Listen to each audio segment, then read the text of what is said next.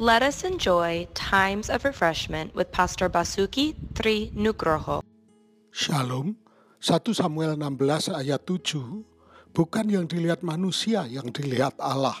Manusia melihat apa yang di depan mata, tetapi Tuhan melihat hati. William Carey adalah anak lelaki yang sakit-sakitan, lahir dari keluarga sederhana.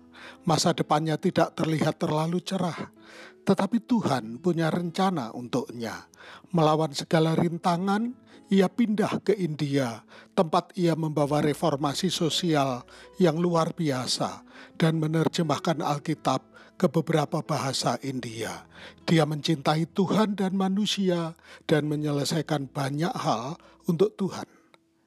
Daud adalah seorang pemuda biasa yang termuda di keluarganya. Dia tampaknya adalah seorang gembala yang tidak berarti di bukit-bukit Bethlehem. Namun Tuhan melihat hati Daud dan punya rencana untuknya. Raja Saul telah ditolak oleh Allah karena ketidaktaatannya. Sementara Nabi Samuel berduka atas pilihan Saul, Tuhan memanggil Samuel untuk mengurapi seorang raja yang berbeda.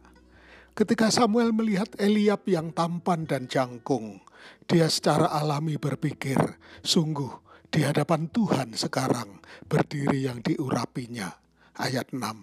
Namun strategi Tuhan untuk memilih seorang raja jauh berbeda dari Samuel. Faktanya Tuhan berkata tidak kepada masing-masing putra Isai kecuali yang termuda. Memilih Daud sebagai raja jelas bukan langkah strategis menurut kita atau begitulah tampaknya pada pandangan pertama. Apa yang harus ditawarkan seorang gembala muda kepada komunitasnya, apalagi negaranya?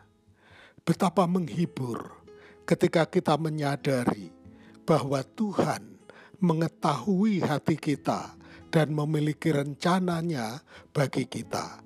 Tuhan memberkati. Untuk info pelayanan lebih lanjut, hubungi GBI Grace Community Center Makassar di nomor 081 343 625 334. Tuhan memberkati.